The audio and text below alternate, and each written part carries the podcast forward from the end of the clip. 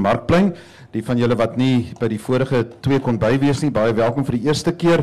Uh vir die ander, uh, dit is uh die afsluiting van ons reeks. Dit word uh in vennootskap uh, hanteer tussen die Woordfees en die NG Moederkerk. Ek self is Johan van der Merwe, ek is predikant by die Moederkerk. En uh, soos ek in die vorige twee gesprekke verduidelik het, is hierdie 'n uh, ruimte wat ons probeer skep waar ons na die ehm um, die verhouding, die interrelasies eintlik tussen geloof en publieke sake eintlik kan gesels. Daarom is dit nie vir ons belangrik wat die uitkoms van die gesprek is nie en is daar nie 'n vooraf vooraf opgestelde agenda en uh, ten spyte van die feit dat ek 'n predikant is, gaan ek nie preek vandag nie. My uh, taak is om hierdie gesprek bloot te fasiliteer en uh, daarom gaan daar nie 'n netjiese 3 punt preek van my kant af wees nie. Ek hoop dat ons hier uitstap met 'n bietjie meer denkproses in ons en uh, dat ons indien ons vrae gehad het, hier uitstap met die vermoë om die vrae beter te vra. Dit is uh, wat ons doel met hierdie gesprekke is. Ek het nou so as 'n reklamepoging het ek my onpaar sokkies aan en nou sien ek ek staan so hierso uh, ek sit nou so hier agter die tafel so ek net vir julle sê ek het 'n paar onpaar sokkies aan dit is ter ondersteuning van 'n uh, straatlig 'n uh, uh, nie regeringsorganisasie wat werk met hawelose mense en hulle bemagtig en hulle probeer uh, uh, bemagtig en herinsluit in die gemeenskap en uh, deur hulle bemagtigingsprogramme. So uh, hulle het 'n odd socks maand en daarom ehm um, het ek my hot socks aan vanaand. So dit as 'n reklameflits. Ek wil baie graag verwelkom op die verhoog ons uh, drie paneellede en uh, dan hulle graag aan die orde stel aan uh, my regterkant. Nou al drie van hulle sou mense kon sê het geen bekendstelling nodig nie. Uh, laat ek dit nogtans doen. Aan my regterkant uh, professor Sampieter Blaans en mense kan so baie oor hom sê. Ek dink as ek vir u sê dat hy 54 jaar ononderbroke uh, klas gegee het en met 'n rowwe skatting ongeveer 10000 lesings gegee het, dan uh, wil ek vir u sê hy mag maar. Hy was uh, op tallose ehm um, uh, adviserende liggame in uh, die regerings uh, van uh, soos wat die regerings uh, gegaan en gewissel het en uh, uh, werklik iemand wat met sy kennis van die geskiedenis van ekonomie en sy passie vir die oplossing of die hantering van die kwessie van ongelykheid uh, geweldig baie beteken het in die ekonomiese wetenskappe. Um, hy het ook 'n uh, nuwe boek op die oomblik uit, 'n uh, Verdeelde Land. Dit word môre bekend gestel in 'n advertise, maar as jy nie reeds kaartjies het nie, is uh u geluk ongelukkig uit, maar dit is uh, die ander uh, plek waar professor Terblaans op die woordfees uh, te siene is.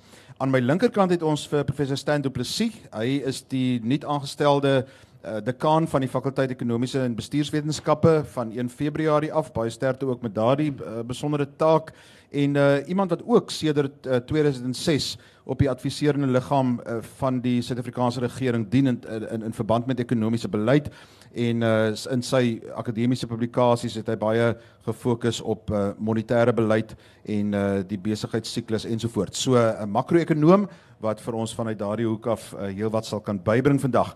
Aan sy linkerkant, heel op die punt sit uh, Dr. Bram Hannekom. Uh, Dr. Hannekom is die uh, moderateur op die uh, moderator op die oomblik van die NG Kerk se sinode in Wes en Suid-Kaapland.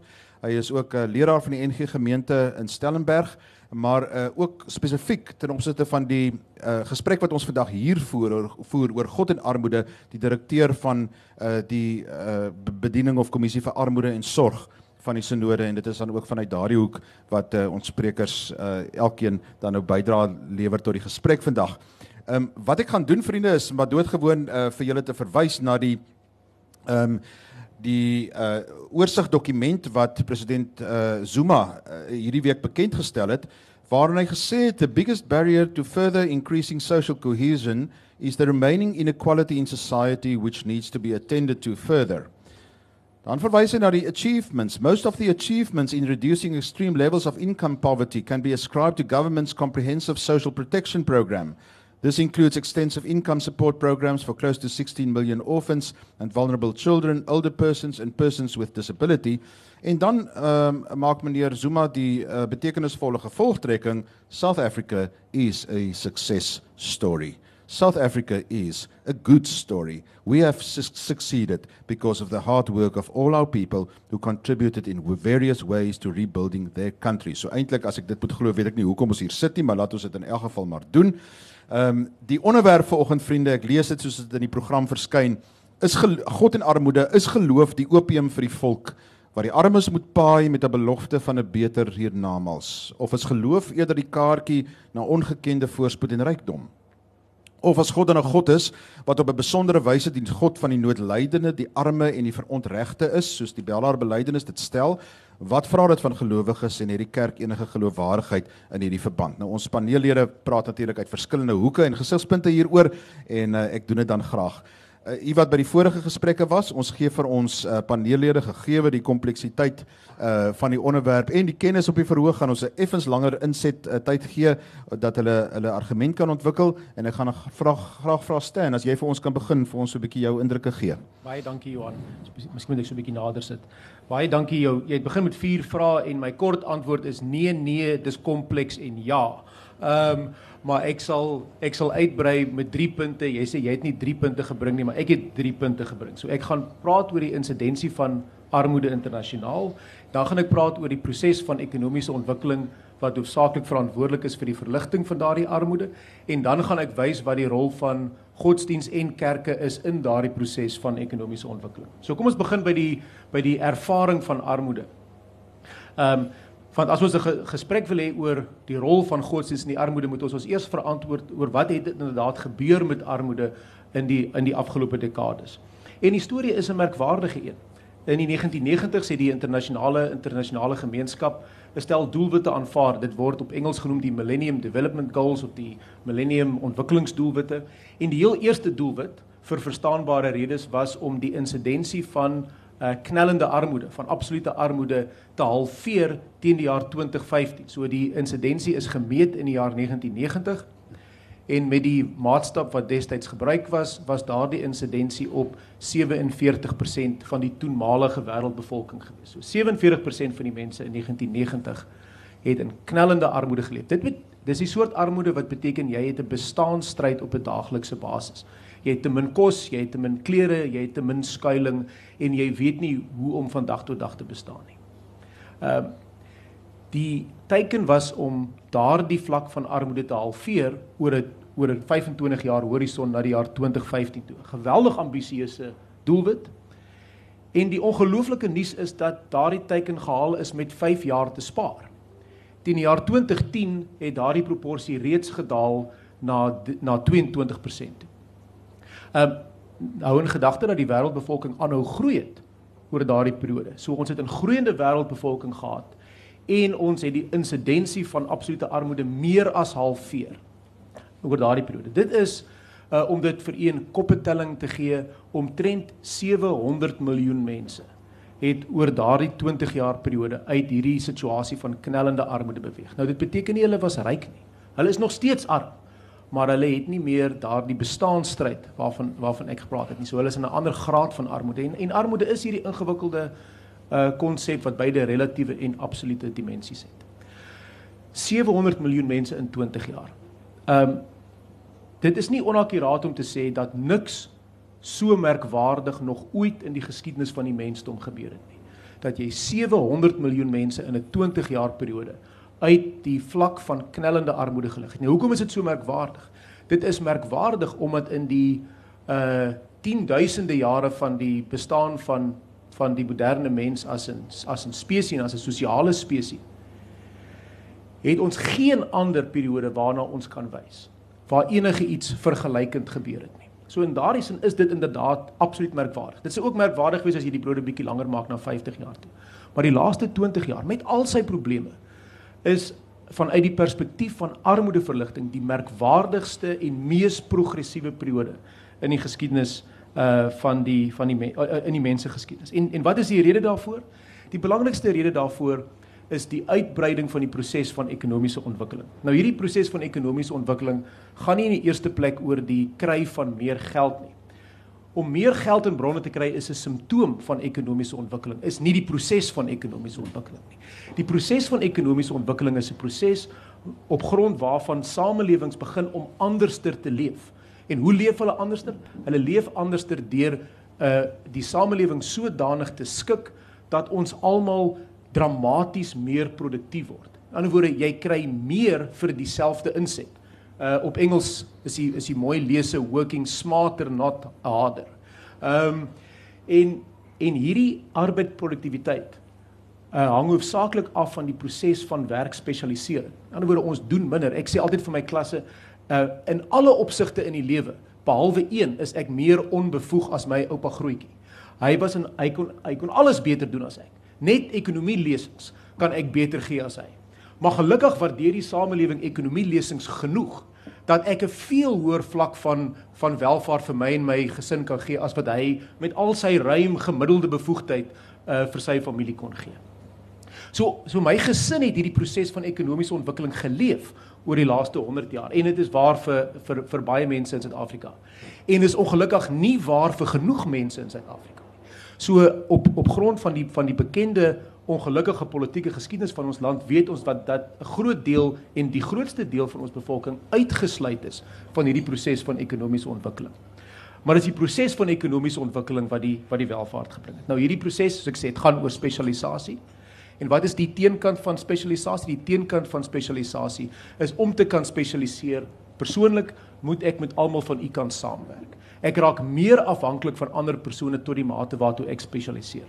En en as ek die proses so beskryf, sal u onmiddellik sien waar die etiese komponent van ekonomiese ontwikkeling inkom. Want om hierdie vlak van samewerking in stand te kan hou en vorentoe te dryf, vereis dat ons met mekaar op 'n etiese manier kan saamwerk. Dit vereis 'n groot mate van vertroue, dit vereis 'n groot mate van empatie en respek en oordentlike optrede.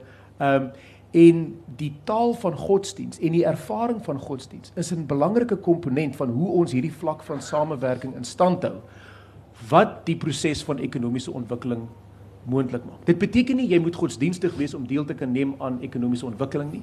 Dit beteken dat die proses van ekonomiese ontwikkeling op geen manier vyandig staan teenoor die soort etiek wat ons leer uit die godsdiens uit nie. Trouwens dit versterk dit. Dit maak van ons persone wat met mekaar kan saamwerk op hierdie spontane en gedesentraliseerde manier. Maar ek dink ek moet nou eers stop uh, en dan gee ons vir professor Sampie. Baie dankie professor Sampie. Gaan uh, vir ons daar by die kateder plek inneem.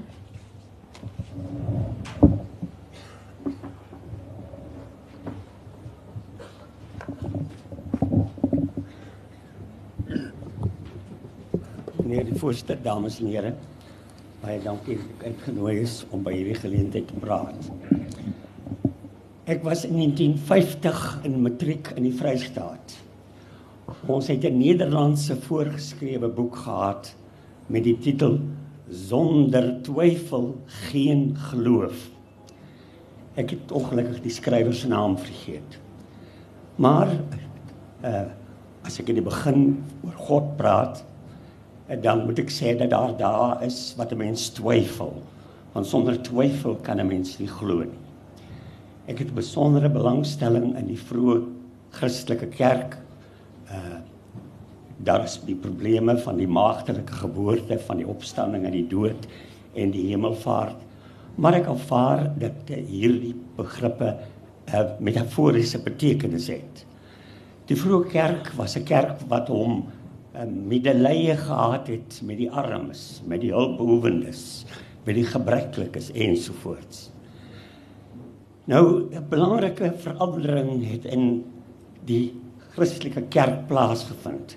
In 312 het keiser Konstantin 'n belangrike veldslag naby Rome gewen. In 313 was Konstantin verantwoordelik vir die verdrag van verdraagsaamheid en het die kerk 'n deel een van die kerke in die Romeinse ryk geword. In 381 het keiser Theodosius die Christelike godsdiens tot die amptelike godsdiens van die Romeinse ryk geword maak en in 395 op sy sterfbed het hy die ryk tussen sy twee seuns in 'n Wes- en 'n Oos-Romeinse ryk geword gedeel. Nou die feit dat die kerk 'n imperiale kerk geword het, het ruimte geskep waarin die Christelike eh, boodskap versprei kon word. Maar aan die ander kant het die kerk homself gekompromiteer. Dieself, die kerk se aanvanklike morele boodskap het self gekorrupteer geraak toe die kerk 'n imperiale kerk word wat hom verantwoord oor die politieke orde. In 476 het die Romeinse ryk tot 'n val gekom en dit die kerk 'n soveel belangriker wêreldse taak gehad om orde te handhaaf totdat in uh, uh, 800 Karel die Groter die Paus Leo die 3de as keiser van die herleefde Romeinse ryk geword. Nou in die eeue daarna het daar 'n identiteits uh ontwikkeling plaasgevind dat Christene is Europeërs en Europeërs is Christene. En het die idee ontstaan dat sowel die Christelike kerk as die Europese mense superieur is, meerderwaardig is veral teenoor die moslim wêreld. Nou ek wil my eintlik uh, bepaal by die tydperk na 500. Die tydperk van Wes-Europese imperialisme. Ek het verlede week 'n manuskrip waaraan ek so wat 8 jaar gewerk het vir Penguin Books gestuur en hierdie manuskrip dra die titel van Westerse oh, oh, ek sê dit in Engels Western Empires Christianity and the inequalities between the west and the rest. Toe Spanje, Mexico en uh, Peru na uh, Columbus se reise ontwikkel het, was daardie Spaanse kolonialisme tot 'n groter mate 'n projek van die sendingstasies 'n sendinggenootskappe van die Katolieke Kerk as wat dit 'n projek van die Spaanse koningshuis was. Die uh, dit was ook die geval met die Nederlandse, met die Franse, met die Britse imperialisme. Oral het die Christelike kerke, die Katolieke kerk en later ook die Protestantse kerke 'n rol gespeel. In al hierdie koloniale uitbreidings was daar altyd vier groepe van persone. Die staat, die, spa, die koningshuis, die uh, bureaukrasie het 'n rol gespeel. Ehm um, die militêre het natuurlik altyd 'n rol gespeel en die sakemanne en met verloop van die kapitalistiese stelsel maar die kerk was altyd daar die kerk het die taak gehad om die inheemse bevolking in te breek sodat hulle geduldig gedienstig gedwee die trekosse kon word in die ploeg van die imperialisme en die ploeg van die kapitalisme. En op hierdie manier het die kerk groot deelname gehad in die breek inbreek van die wat ons vandag die derde wêreld se bevolking genoem het. En het hulle op hierdie manier die hele derde wêreld of die res van die wêreld verarm en het hulle nie eens die sendelinge wat op die periferie was en die periferie waar daar dikwels mense moorde plaasgevind het het hulle nie eers vir 'n metropool in kennis gestel waarmee die kerke saam met die empires saam met die militêre optrede saam met die kapitalisme verantwoordelik is nie so die kerk uh was 'n belangrike oorsaak vir die groot armoede wat in die derde wêreld geskep is. In 2003 waarvoor ek redelike harde syfers het.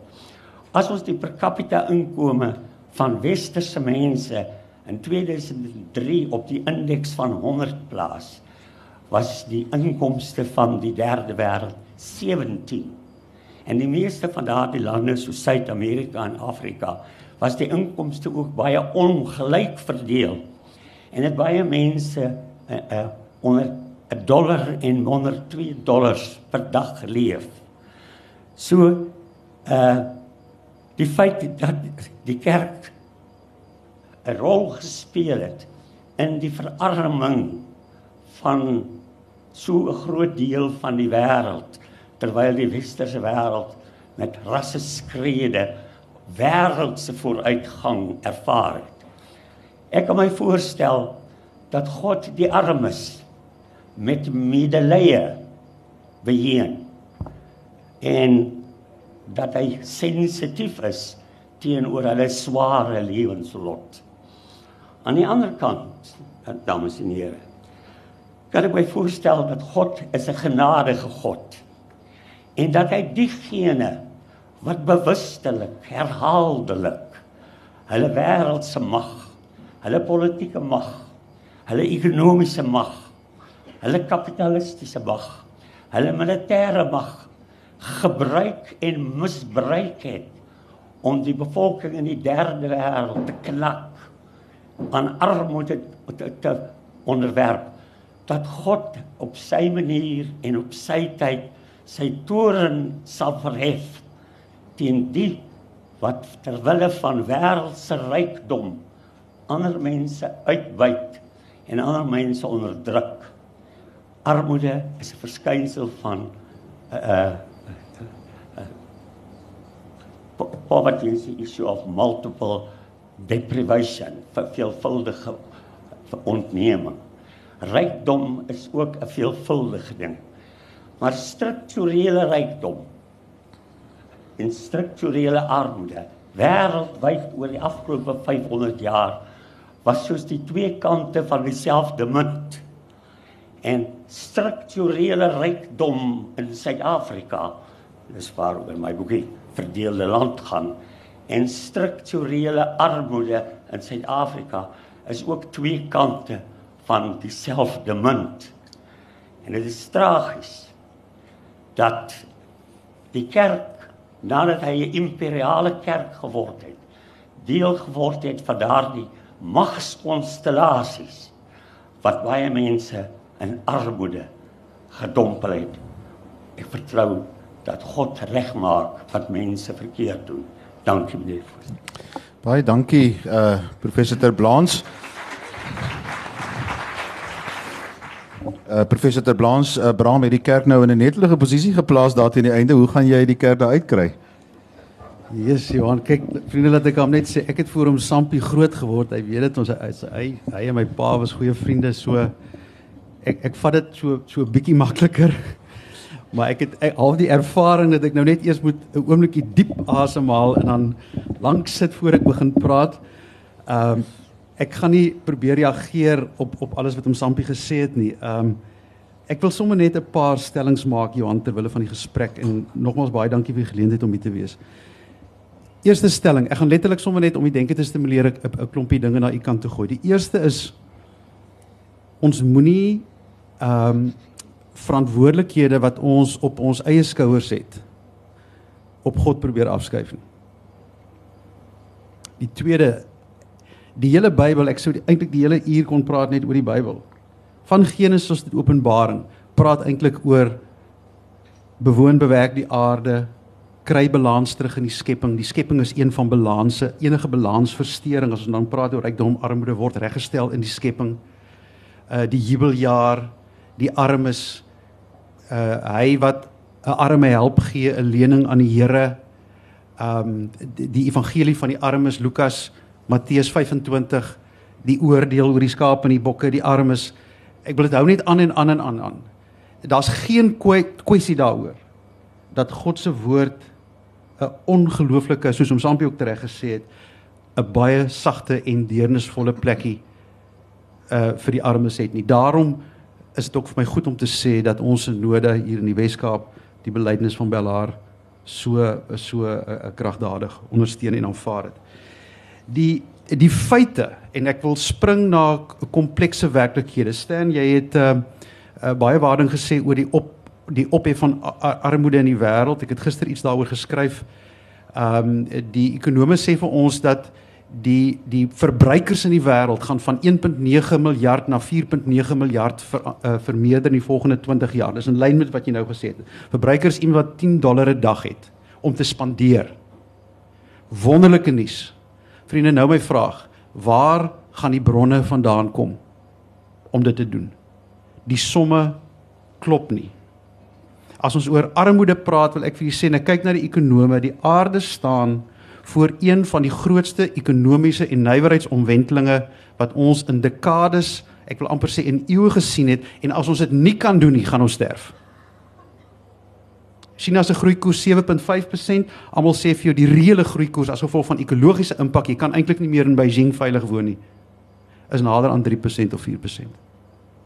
Ek dink nie ons verstaan soos wat ons hier sit watter werklikhede ons in die gesig staar nie. In dieselfde asem uh om Sampie ek luister baie fyn oor die kerk en dit maak my eintlik verskriklik seer as ek um, as ek hierdie werklikhede hoor. Ek wil die kerk is maar mense en mense maak foute.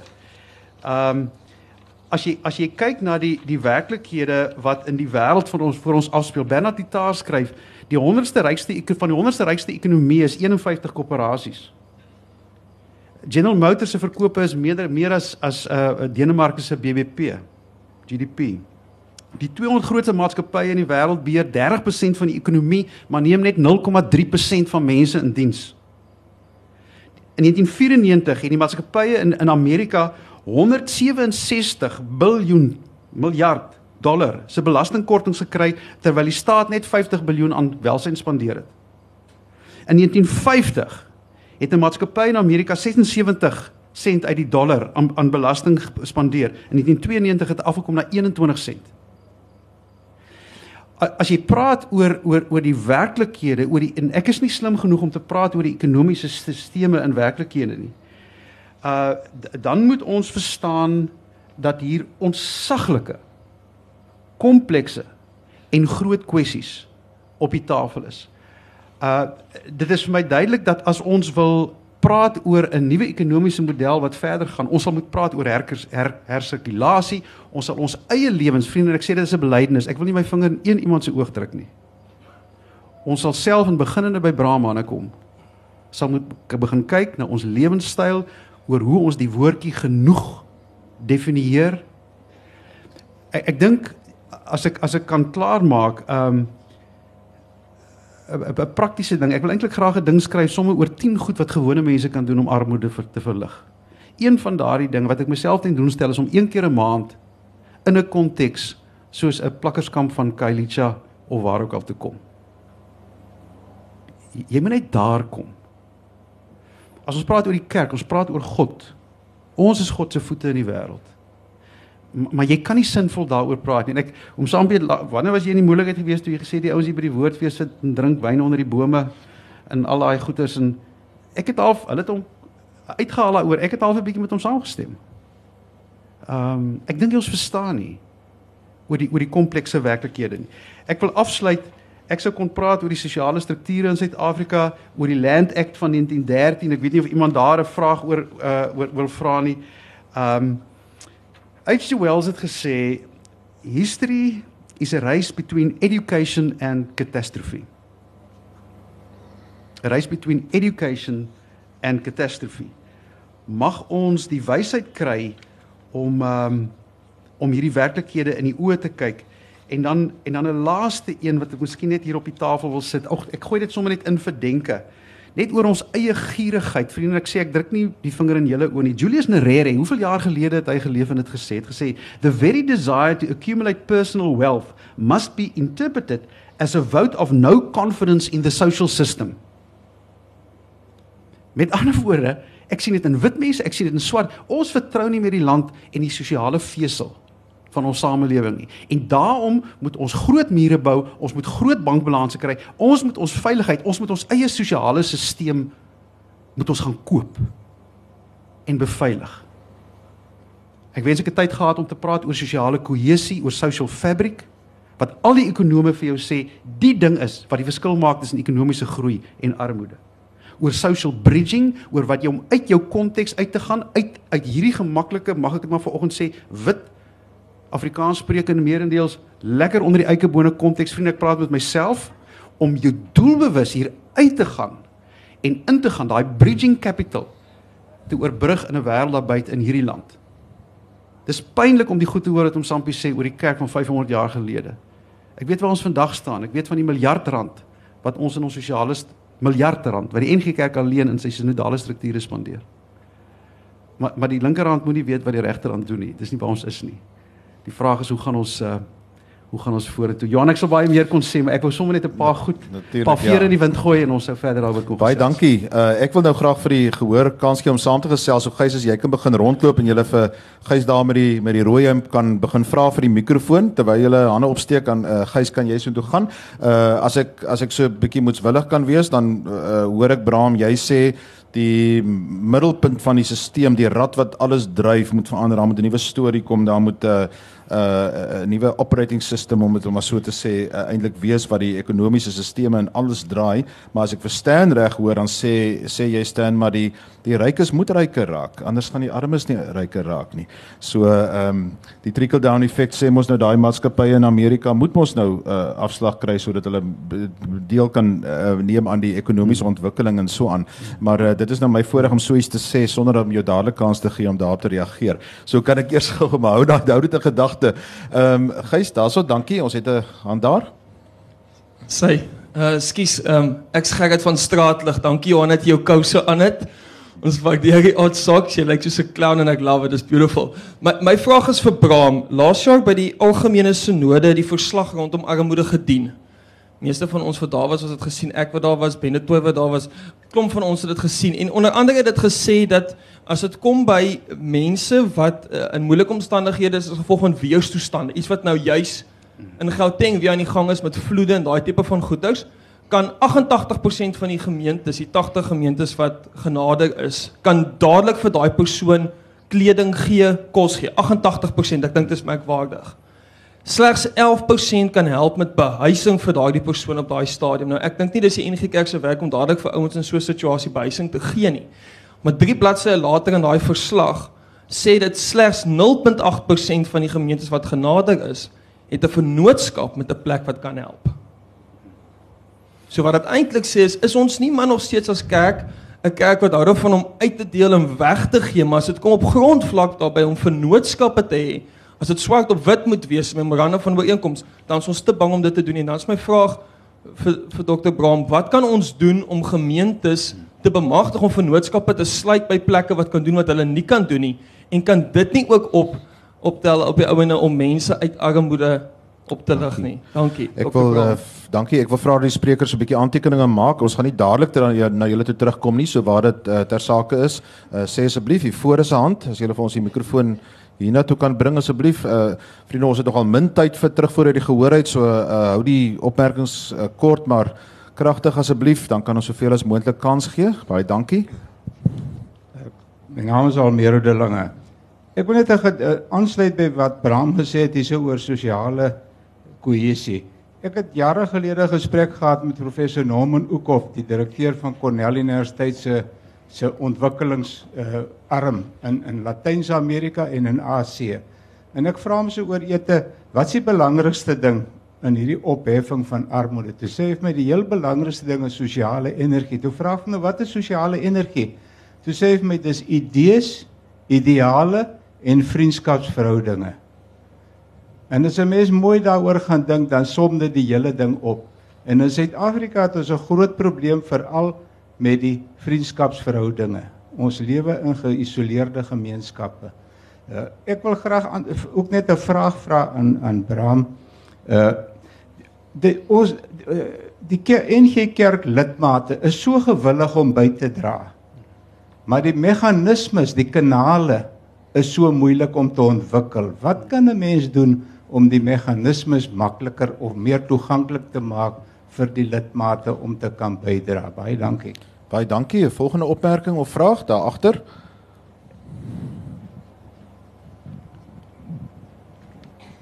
Uh hallo.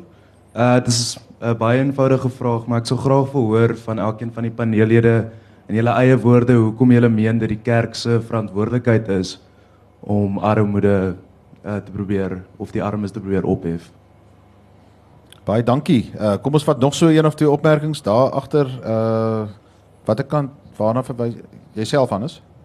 Goed, daarby hierso. Uh is hier iemand aan die regterkant ook? Jy moet vir my sê by julle nie Ja, miskyk ek nie. is uh, Simon Adams. Simon? Ehm um, ek is bly vir hierdie gesprek. Ek is nie 'n ekonoom nie. probeer maar om predikant te wees. Ehm um, die groot issue een van die groot issues wat Bram aangehaal het.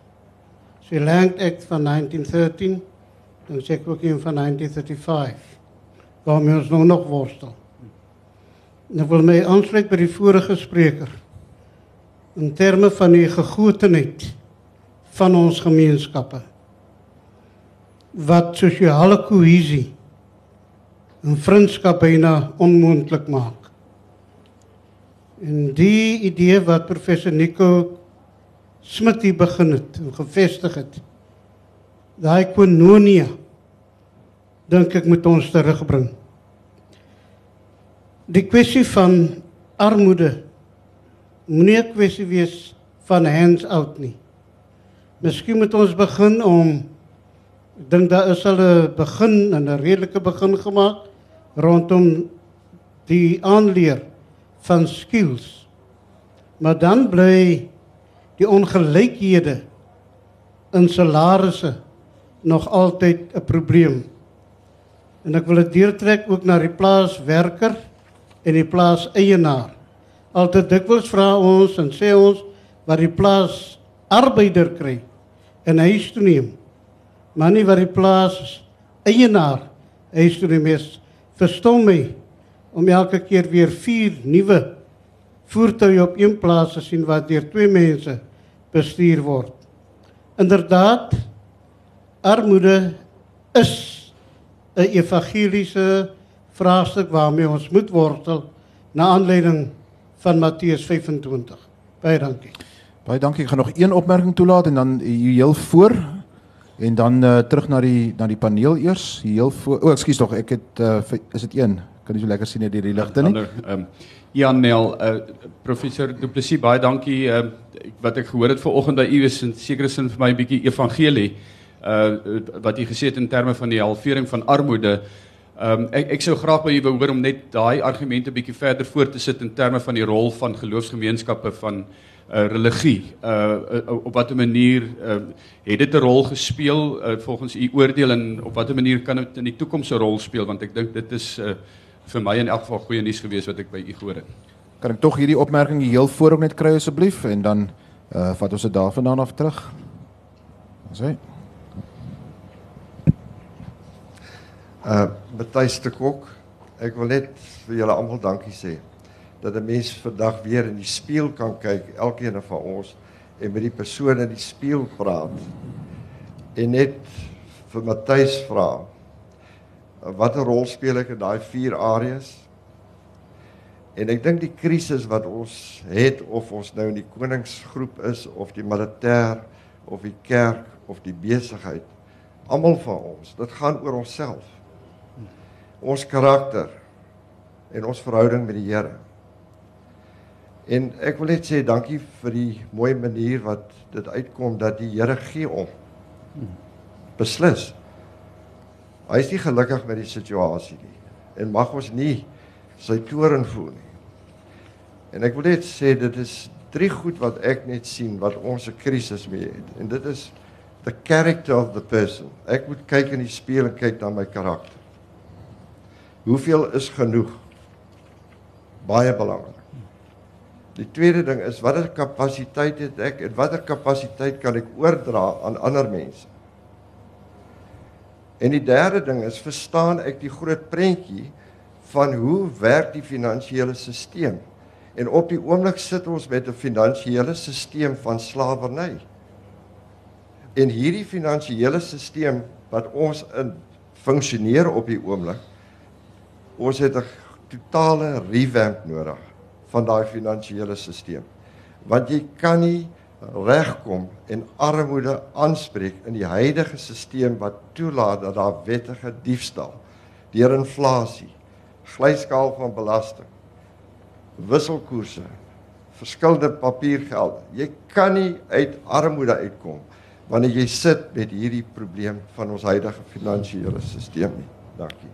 Baie baie dankie. Nou gaan ek na die paneel toe teruggee so van daai kant af begin en dan reg deur werk hierdie kant toe Bram. Jo Johan, dit is dis 'n mond vol. Ek gaan vinnig probeer antwoord. opmerking oor die weerstoestand. Ek was laas jaar in Kailicha met daai vloede. Ehm um, jy staan daar is 'n mengsel van ur, die reuke van urine, parafin en nat uh, uh klere en komberse en jy sien daai kindertjies tot by hulle knieë in die water en jou hele wese sê vir jou this is the most inhumane experience in the Cape Peninsula that I've seen in the past 20 years. Hierdie kinders moet hier uit en jy gaan na die ANC uh uh uh, uh, uh ward members en jy sê vir hulle kan ons die mense skuif en jy kry die volgende antwoord nie voor die verkiesing nie. Julle slim genoeg. Hoe kontak ons die hoe kom hoe hoe kontak ons uh, die gemeentes? Ons het 'n geskiedenis weer eens. In die apartheidstyd is ons so geïnstitusionaliseer gewees. Die staat het alles gedoen. Die kerk het basies ouer huise en kinderhuise gebou. En die res is die staat gedoen, welsyn.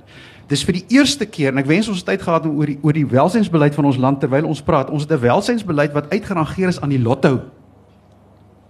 Ek, ek weet nie of jy verstaan die ingrypende implikasies daarvan nie.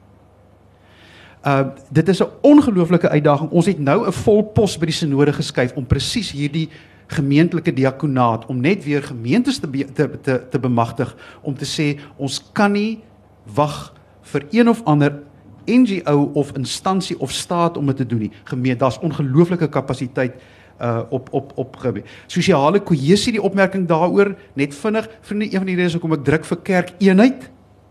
Dit het te doen met sosiale kohesie. As jy iemand op straat groet, dan is dit bridging capital, dan doen jy iets aan armoede. Ek gee moeilik geld vir iemand by 'n straatlig. Maar ek praat altyd, wat is jou naam? Waar kom jy vandaan? Waar is jou pa? Waar is jou ma? Uh oor die kerk se verantwoordelikheid kan ek maar net daaroor sê uh ek wil die hele Bybel is vol voor vol daarvan. Ons integriteit, ons wese is op die spel persoonlik sien ek dit as een van die grootste uitdagings. En die kerk het 'n rol gespeel. Kan 91 kan 92 die armblanke vraagstuk. Ek kan nie in al daai goed ingaan. Staan ons weer voor een van die 'n eeu later voor een van die grootste uitdagings wat die kerk in die eeu in die gesig gestaar het soos die eerste 2 3 eeue. Waarna ons Sampie uh, uh verwys het. Ek sou meer kon sê maar ek graag die ander paneellede dankie Stan. Baie dankie Johan. Ek gaan begin met een se vraag oor die rol van die kerke. Paus Fransis het 'n aangrypende brief in Desember geskryf uh waarna hy ons gemaan het. Uh en hier is sy woord, hy sê almost without being aware of it, we end up being incapable of feeling compassion at the outcry of the poor as though all this were someone else's responsibility and not our own. Nou ek het gepraat oor die merkwaardige verligting van armoede wat plaasgevind het. Maar daar's nog 'n geweldige armoede probleem. So mense wanneer jy erken dat 'n stelsel progressief en suksesvol is, is dit nie dieselfde ding as om te sê alle probleme is opgelos nie. Mm en die taal van godsdiens en die ervaring van godsdiens en die belewenis van kerke is presies die punt waar ons gedagtig kan bly aan die geweldige ontbering wat steeds bestaan. En dit is hoekom Paus Fransis in dieselfde brief 'n sterk saak maak vir die rol van gemeentes byvoorbeeld in die proses van ekonomiese ontwikkeling. En hoekom? Omdat gemeentes op voetsoolvlak weet wat die sosiale omstandighede in daardie omgewing is wat Julius Nyerere nie geweet het nie. So Julius Nyerere is ek bly jy bring hom in die gesprek en hy's 'n pragtige voorbeeld van 'n politieke leier wat met goeie bedoelings verskriklike skade aangerig het omdat hy nie geweet het wat gemeentes weet nie naamlik wat jy doen wanneer jy samelewings uh, wanneer jy gemeenskappe ontwortel en rondskuif ter wille van 'n goed bedoelde maar lomp en en uiteindelik fenomenaal skadelike program. Ek meen op sy rekening moet mens die die vernietiging van miljoene lewens plaas. Alles goed bedoel en alles omdat hy nie die soort logika van plaaslike kennis gevolg het wat 'n mens presies uit voedselvlak en uit gemeentes kan kry nie. So ek dink ek dink die die ervaring en die uh die goeie die die die bedoelings en die etiese karakter van gemeentes is krities vir ons om ons bewus te maak van waar die probleme steeds bestaan. En en die laaste punt wat ek wil maak is dan oor die groter stelsel. So ek argumenteer dat hierdie 'n progressiewe stelsel is met probleme. 'n progressiewe stelsel is nie 'n zero-som spel nie. Met ander woorde, die armoedeverligting waarvan ek gepraat het, is nie 'n stelsel waar waar bronne net rondgeskuif is van een deel van die wêreld na 'n ander deel van die wêreld nie. Ek het geargumenteer dat die kernlogika is een van 'n meer doeltreffende gebruik van die bronne. En dit is waar ek met ander woorde nie met jou saamstem nie, Bram, wanneer jy sê dat die somme nie klop nie Ons weet nog nie hoe die somme gaan klop nie, maar jou opmerking oor dat die somme nie klop nie sou waar gewees het in elke enkele jaar van die laaste 200 jaar. As ons die tegnologie gevries het in 1850, sou ons ook nie kon wees waar ons vandag is nie. Trouwens ons moes al dood gewees het herhaaldelik. Die klub van Rome het so gesê. Die uh, Lord Kelvin het in 1890 gesê dat ons die 1930 grootskaalse armoede, 'n uh, grootskaalse hongersnood sou gehad het en dit is Elkeen van daardie stellings was koherent binne die tegnologiese raamwerk van die periode. Maar dis presies die die proses van ekonomiese ontwikkeling wat vir ons dit moontlik maak om hierdie probleme uh die hoof te bied. Jou pa dalk ook 'n 5.6 liter Chef in 1977 gery nê. Daar's baie min mense nie gehoor wat 'n 5.6 liter kar vandag ry. En die rede is omdat ons gereageer het op die syne wat ontwikkel het sedert die 1970s. En en dit is die soort reaksie wat ons kan hê in 'n progressiewe en fyn gekalibreerde stelsel wat op op voetsoolvlak reageer eerder as om te probeer om 'n stelsel te herskryf van bo af. Ek gaan daarmee volstaan. Baie dankie, uh, Prof Sampie. Uh, meneer die voorsitter, ek voel soos 'n vreemdeling in Jerusalem. Uh, uh, uh, Stan ek nou gesê dat uh, armoede 'n sistemiese probleem. Daarmee stem ek saam. Dis miskien al waarmee ek saamstem. Die, die en ek het probeer aantoon dat die kerk deel van die probleem is. Dat die kerk reeds sedert die 4de eeu 'n imperiale kerk is. En om op so 'n manier met wêreldse sake bemoei dat hy altyd aan die kant van die rykes en die magtiges is. En veral die westerse wêreld. En dat die verskriklike armoede in die derde wêreld die gevolg is van die sukses van die westerse wêreld. En kapitalisme sou nie so suksesvol gewees het soos dit was of is nie. Die empire sou nie so sukses gehad het soos wat hulle gehad het nie. As die kerk hulle optredes nie deurlopend gelegitimeer het nie. Ideologiese regverdiging daarna gebied. Laat ek miskien net iets sê oor die afgelope 30 jaar sê dat Reagan sy nuwe liberalisme van stapel gestuur het. Het die inkomste in die wêreld verskriklik meer vererger as in enige ander periode in die geskiedenis. Nou met die Davos konferensie het Oxfam, ek het so 5 jaar gelede die jaarvergadering van Oxfam toe gespreek, het Oxfam 'n dokument gepubliseer. En volgens daardie dokument kan ons die 7 miljard mense in die wêreld net mooi in twee dele verdeel. 1% ontvang die helfte van die wêreld se inkomste. Die ander 99 ontvang die ander helfte van dit. Oxfam se dokument wys ook dat die rykste 86 individue in die wêreld 'n inkomste het wat gelyk is aan 3,5 miljard mense. Ons leef in 'n akelige wêreld en is besig om nog akeliger te word. Hier is wat gesê oor liefdadigheid. Jy moet my asseblief nie verkwalik nie. Doen die liefdadigheid. Maar dis net om bietjie stropies te so te te strooi oor 'n baie dieper probleem. Dis die stelsel wat moet verander. Dis die gekorrupteerde stelsel wat veroorsaak dat so baie mense in armoede en in ontneming leef. En wat ek wil probeer oorbring dat ons stelsel radikaal sal moet verander en dat die kerk sy posisie teenoor die maghebbers of dit nou politieke maghebbers of kapitalistiese maghebbers is maar die kerk sal sy posisie baie ernstig in heroorweging moet neem. Dankie meneer. Ek wil dit graag teruggooi na Stan toe net sê uh Stan uh, is daar 'n beter stelsel as wat ons het? Ons dra geen kennis van so 'n stelsel nie. Ehm um, maar dit is nie dit is nie anders as om te sê dit ek moet baie duidelik maak, dis nie om te sê dat die huidige stelsel perfek is nie. Uh, die standaard is nie perfeksie nie die standaard is progressie en en my uh my waarneming van die stelsel is dat dit inderdaad uiters progressief is ten spyte van al die probleme. Ehm um, in die westerse wêreld was daar van die, die 45 tot so die die 73. Uh stelsel wat bekend staan as sosiaal-demokratiese kapitalisme. Ek sal 'n sterk saak uitmaak, kan 'n uur vir u daaroor praat. Asseblief nie. Wat daardie stelsel baie meer menslik was. Dat daardie stelsel 'n baie gelyker verdeling van inkome bewerkstellig het. Na die Tweede Wêreld, na die twee wêreldoorloë, die Groot Depressie en in die skare van die kommunistiese bedreiging was dit of die westerse mense tot hulle sinne gekom het en die goue era van sosiaal-demokratiese kapitalisme geïnstitusionele institusionaliseer.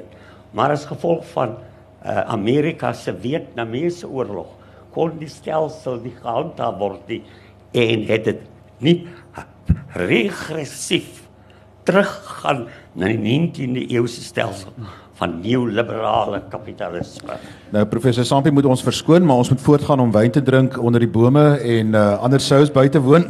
so uh, wat ek hoor ons oor saamstem is dat ons sistemiese probleme het dat die kerk en die ekonomie met mekaar sal moet bly praat anders is kan 'n mens aan beide kante naïef raak en dat ongelykheid 'n uh, 'n ongelooflike probleem aan alle kante is wat sistemies aangespreek moet word. Vriende, ek wil vir julle baie dankie sê vir julle bywoning ook by hierdie gesprek, by al drie gesprekke en uh dankie ook aan ons paneellede vir julle kundige insette en jammer oor die beperkings van so kort tyd, maar ek hoop ons vra beter vrae na dese. Dankie.